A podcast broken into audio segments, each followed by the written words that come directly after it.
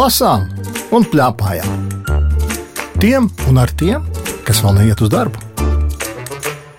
Sveika, Bille! Čau! Billei, 8 gadi.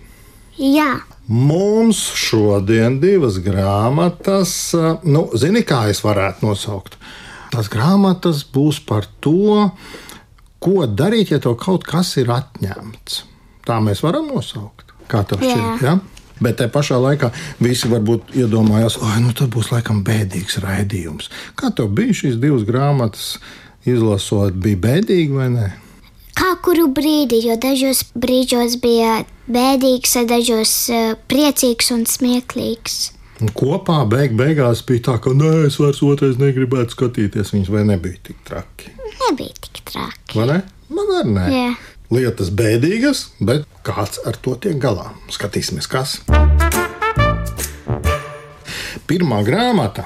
Tās nosaukums Kamils, kurš skatās ar rokām. Autors ir Tomašs Malkovskis un to sazīmēs Joana Rušineka. Vai tu paskatoties uz vāku, uzreiz saprati, par ko viņi būs? Neuzreiz. Neuzreiz? Jo tad man izskatījās, bišķīt, ka tur būs ļoti bēdīgi, bet tad, kad es sāku lasīt, tur bija priecīgi viss. Jā, nu, dažu brīdi tiešām man tā jāpiekrīt arī bēdīgi. Es gan paskatījos uz vāku, man šķita tā, viens no diviem.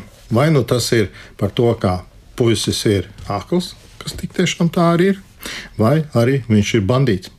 Ja viņš ir ar melnām brillēm. Nē, nebija tāda sajūta. Nē, es pat par to neiedomājos. Es izlasīšu pašu, pašu sākumu grāmatai. Zužai ir seši gadi un piecgadīgs brālis Kamils ar gaišiem matiem. Nu, varam sākt arī ar Kamilu.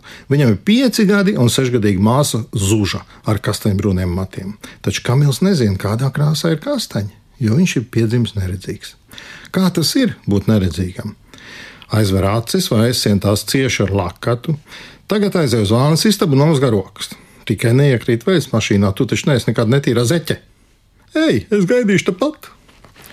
Vai tu pamēģināji, kā tas ir? Kā aizsien acis un kaut kas ir jādara. Māma teica, bet man bija bail. Mums um, toaletē nav veļas mašīna, bet ja nu es iekritīšu vānā un kaut ko salauzīšu, Bet tad uzreiz varēja saprast, kāda ir dzīve tam cilvēkam, kurš neredz, vai ne?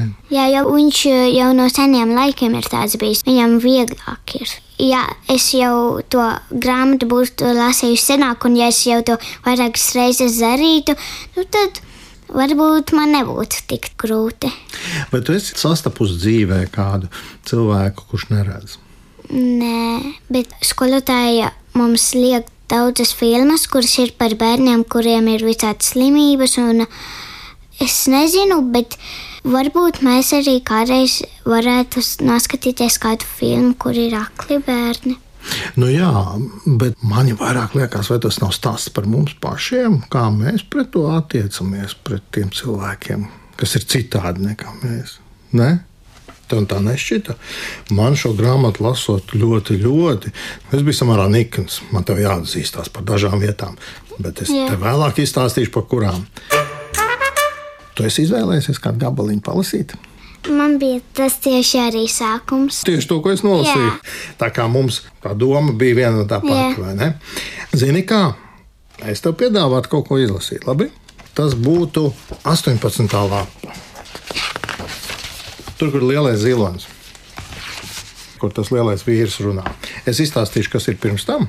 Viņi ir aizgājuši uz zooloģisko dārzu ar māsu kopā, Kamils. Un tur ir viens tāds stiprs, liels vīrs, arī stāv un skatās uz ziloņiem. Un ko saka lielais vīrs?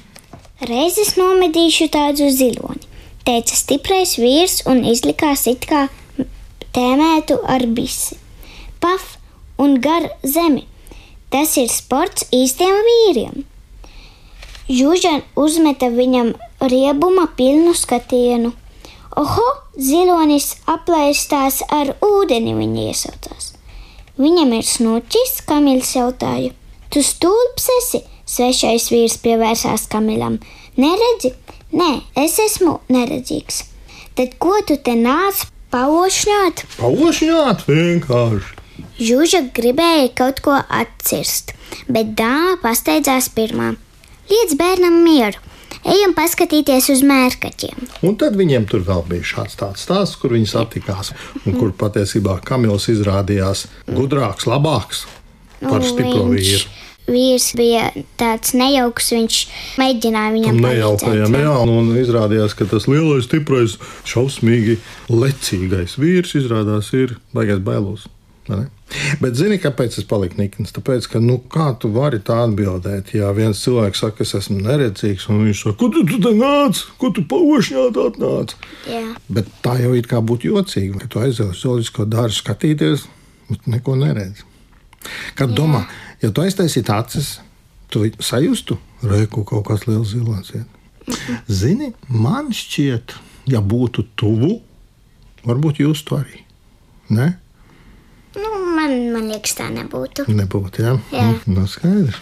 Lai gan Kamils nekā nekomentē, kā ir viņam šajā grāmatā. Jā, tur tikai stāsta par viņu. Tagad es nolasīšu, labi? Te ir tādi dažādi maziņi stāstījumi par to, kā Kamilam iet. Māma aizveda Zužu un Kamilu uz muzeju. Kad viņi iegāja pirmajā zālē, māma sacīja, pie sienām karājās gleznas, bet telpas vidū ir divas skulptūras. Kādas skulptūras? Kamils jautāja. Eņģelīts un balerīna. Apskaties pats. Zālē viņi bija pavisam vieni.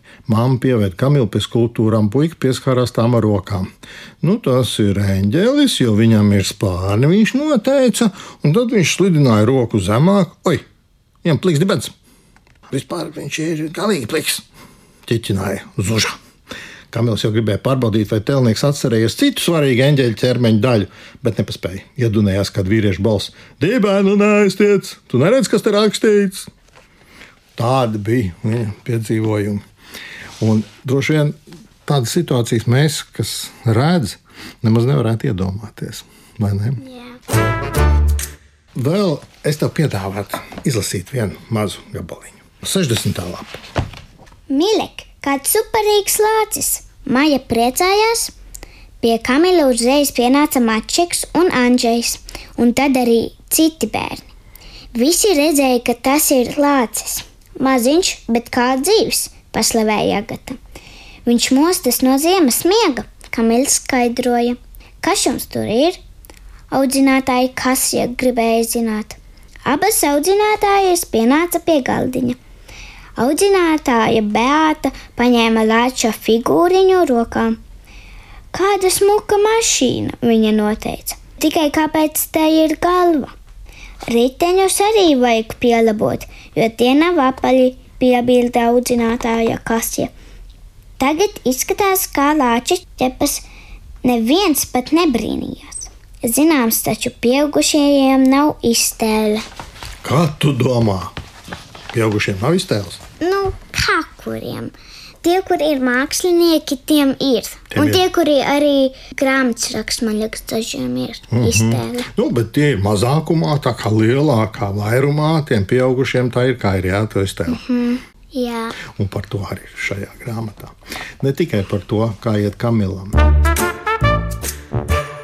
Bet eh, tas gadījums ar to nejauko vīru zooloģiskajā dārzā, tas nav vienīgais šajā grāmatā. Vēl ir daži stāsti par to, cik bērni ir nežēlīgi pret tiem cilvēkiem, kuriem pieaugušie. Jo Jā, divi vai trīs stāsti par uh, bērniem, nu, kuri nejauki izturējās, un arī divi kādi par tiem pieaugušiem, kuri. Kā tev šķiet, vajag tādus stāstus, kas sadusmo lasītāju? Nu, tad tu vairāk sapratīsi, kā ir, ja tu esi priecīgs, kā ir, ka tu esi bēdīgs un dusmīgs. Tad tomēr vajag tādus stāstus, lai tu saprastu labāk Jā. un ātrāk. Tikai galvenais, lai tā grāmata visu nav par to, jo tad tu tā, nē, es vairs viņu nelasīšu. Bet šo gribās vēl lasīt. Jā. Un tā kā mēs jau sākumā teicām, jā, par bēdīgām lietām, par cilvēkam kaut kas atņemts, bet tas cilvēks neraud par to, nedzīvo tālāk. Interesanti, ka tas teicis par šo stāstījis. Jā. ļoti forša grāmata. Nu, tā atziņa, ja tā var teikt, ir tāda, ka, ja mēs piedomājam pie mazām lietiņām, tad cilvēks, kam kaut kas ir atņemts, viņš var būt laimīgs un priecīgs, varbūt citādākā veidā nekā parasti. Ja? Un nevajag viņu žēlot, kā tā tante visu laiku darīja.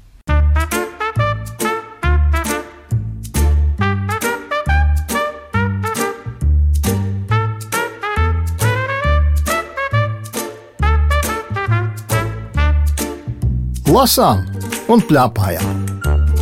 Tiem un ar tiem, kas vēl neiet uz darbu. Otra grāmatā, saki, lūdzu, vai šī ir lasām grāmata? Vairāk skatām. Skatām grāmatu, vai ir Jā. starpības starp skatām grāmatām un lasām? Jā, grāmatu? jo bilžu grāmatās tu saproti no bildēm, bet lasām grāmatās tur tu lasi un no tā lasītā tu saproti. Nu, bet no kā... bildēm tu arī bija šķītajās lasītajās grāmatās saproti, bet vairāk no rakstītā. No burtiem, jā. jā. Un kuras grāmatas tev labāk patīk? Man liekas, ka tagad man bija šī labāk patīk uh, lasām grāmatas, jo bilžu grāmatās tur tik labi nevar saprast. Tomēr, jā. Jā, bet kaut ko jau var saprast. Nu, šī grāmata ir Varētu viņu nosaukt par komiksu grāmatu. Jā, Jā nu, droši vien ir komiks. Te ir daudz komiksu. Laikam kādi 12. 12, 12 pareizi. Jo es izlasīju aizmugurē, kas rakstīts šajā grāmatā. Divi miljoni bērnu pamet Ukrainu, kad 22. gada 24. februārī sākās karš. Sev līdzi viņi atved divus miljonus stāstu par to, kā atstāja mājas un iemīļotās vietas un lietas, par to, kā zaudējumu pamet tuviniekus Tie ir stāsti, kurus grūti uzklausīt un grūti uzzīmēt. Redz, atkal ir cilvēkam kaut kas atņemts vai ne? Un tad 12 drosmīgi ukraiņu bērni Latvijā satika 12 drosmīgus studentus no Latvijas Mākslas akadēmijas, un tā 12 bērnu stāsti tika izstāstīti, darot to, kas māksliniekam padodas vislabāk - zīmējot. Saki, kurš tās tev šķita labākais, mīļākais, trakākais? Man ļoti patika. Tur, kur meitene brauc, bet viņa paņēma to kastīti, kur bija mēs varētu, vietas. Kā mēs varētu tagad radio klausītājiem nolasīt tā, lai viņi saprot, kas pa lietu. Varbūt mēs mēģinām aprakstīt tās bildes un mēģinām izlasīt, ko tie cilvēki tur saka vai domā. Sākums ir tāds, ka tas ir senies stāsts no Harkivas līdz Rīgai, atmiņu lādīte un to ir zīmējusi Paula Slavika. Un tas ir tas, ko Billy uzskata par visiespaidīgāko stāstu šajā grāmatā. Sākumā es komentēju stāvu meitene Senija. Mani sauc Senija. Man ir 9 gadi, un esmu dzimusi Harkivā 2022. gada 24. februārī, 4 no rīta. Kad abi ar brālīti gulējām, māma mani pamodināja un teica, lai sagatavojos garam braucienam. Liftā mēs satikām kaimiņieni, un viņa jautāja, vai jūs braucat prom pavisam? Māma teica, varbūt tikai uz kādu laiku, varbūt pavisam. Tu esi kādreiz modusies četros no rīta? Nē, mans agrākais ir sešos, jo vienreiz nu, mums istabā ir nepareizs pulkstenis. Es paskatījos pulkstenī, mums rādīja, ka ir 12, bet īstenībā bija 6. Jā, tas pamodies. Jā, nu, bet iedomājieties, ka tev četros no rīta un pēkšņi saka, braucam, kādas būtu izjūtas, diezgan nav, vai ne? Uh mhm. -huh. Un šeit ir tās bildes, arī kā viņi pamodina kā viņi satiek kaimiņiem. Un tad ir tāda liela bilde, kur ir tāda lādīte, un tur nu ir sakrauts dažni dažādi dārgumi, senijas dārgumi, un kas ir rakstīts lejā, to lasa bille. Vienīgā lieta, kas man atgādināja par mājām, ir maza dzeltena lādīte. Tās priekšpusē ir podziņa, ar ko atvērt vāku. Lādīte man ir ļoti dārga. Es tajā glabāju lietiņas, kuras man atgādina par mājām, ilgo braucienu uz Latviju un jaukiem brīžiem ikdienā. Un tad mēs varam izpētīt, kādas nu, tās mantiņas ir. Nākošajā lapā ir tāds eņģelīts ar uzrakstu Ziema. Viņi ir ziemā, un viņi sēž satuntuļojušies ar māmu mašīnā. Hmm. Pagājušo Ziemassvētkus mēs svinējām laukos pie vecvecākiem. Mēs kopā izrotājām eglīti, spēlējām spēles, noskatījāmies prezidenta uzrunu un gaidījām uguņošanu. Nu, redz, tas bija iepriekš, pirms sākās karš, ka viņiem um, bija nu, tāda pati dzīve kā mums visiem. Tikai Ukrainā. Jā, un viņi rotā eglīti. Un mana māsīca uztaisīja papīra eņģelīšu eglītē.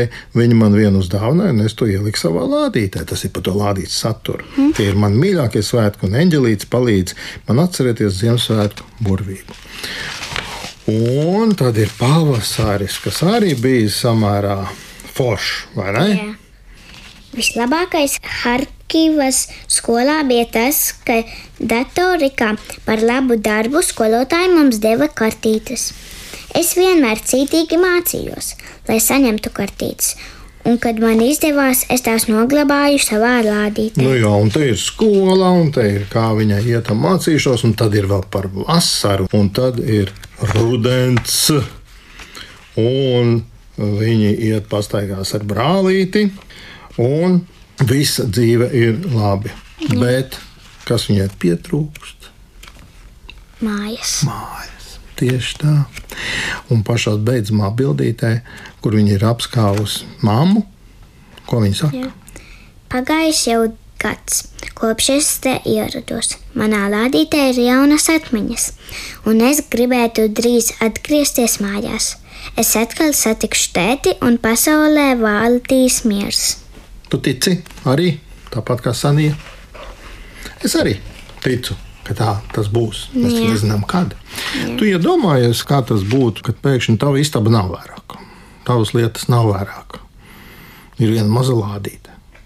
Tu arī domāji, ko tu liksi tajā lādītē. Man ir tāda nu, kastīte, kur jau es lieku lietas, kas man palīdz atcerēties, piemēram, manu dzimšanas dienu, visas tās lietas. Bet, ja būtu tā, tad es būtu ļoti bēdīga. Sanija jau droši vien arī tajā brīdī ir ļoti bēdīga, bet ko var darīt? Ir jābūt stipram. Jā. Jāsaka, nu neko, nu mēs taču dzīvojam uz priekšu, mēs nepadodamies. Tev ir tāda mīļākā bilde no šīs grāmatiņas. Bilde Man ir, jo man ir daudz. tu vari atšķirt 94. un 95. lapu. Jep. Tu vari aprakstīt, kas tajā bildē ir. Tur ir uztaisīti tādi putniņi debesīs. Viņi ir krāsaini, bet debesis pašas ir pelēkas. Un tie uztaisītie putni ir ļoti daudz. Un viņi lidinās virs tām pelēkām debesīm, un viņi ir spilgti, spilgti, spilgti. Un rakstīts šeit ir tā, mēs zinām, ka reiz kādu dienu mēs atgriezīsimies mājās un satiksim savus tuviniekus un draugus. Un man šī, šī bilde ir tāda, kas pasaka visu par to grāmatu. Kā vajadzētu šo grāmatu lasīt? Jo var jau būt, ka mēs sākumā nemaz nezinām, kā. Tur daudzas lapuses ir melnbaltas. Tā mēs uzzinājām divās grāmatās par to, kā ir cilvēki pasaulē, kuri meklē to, kas viņiem ir atņemts. Mēs ticam, ka viņi atradīs, un kad tomēr vajag atrast tieši to, vai kaut ko citu, un tas varbūt pat ir labāks. Es nezinu atbildi uz šo jautājumu. Es arī. Bet šīs divas grāmatas mums laikam ļauj par to padomāt. Jā.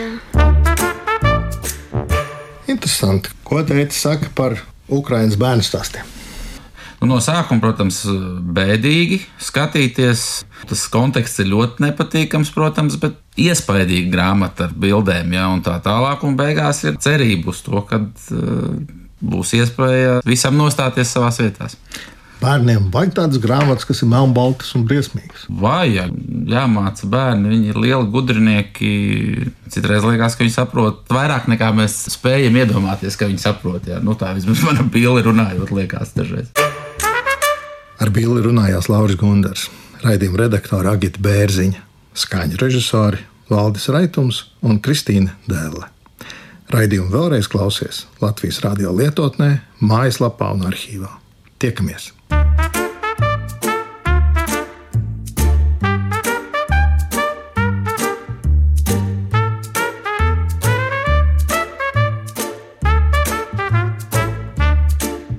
Lasām un plēpājām. Tiem un ar tiem, kas vēl neiet uz darbu.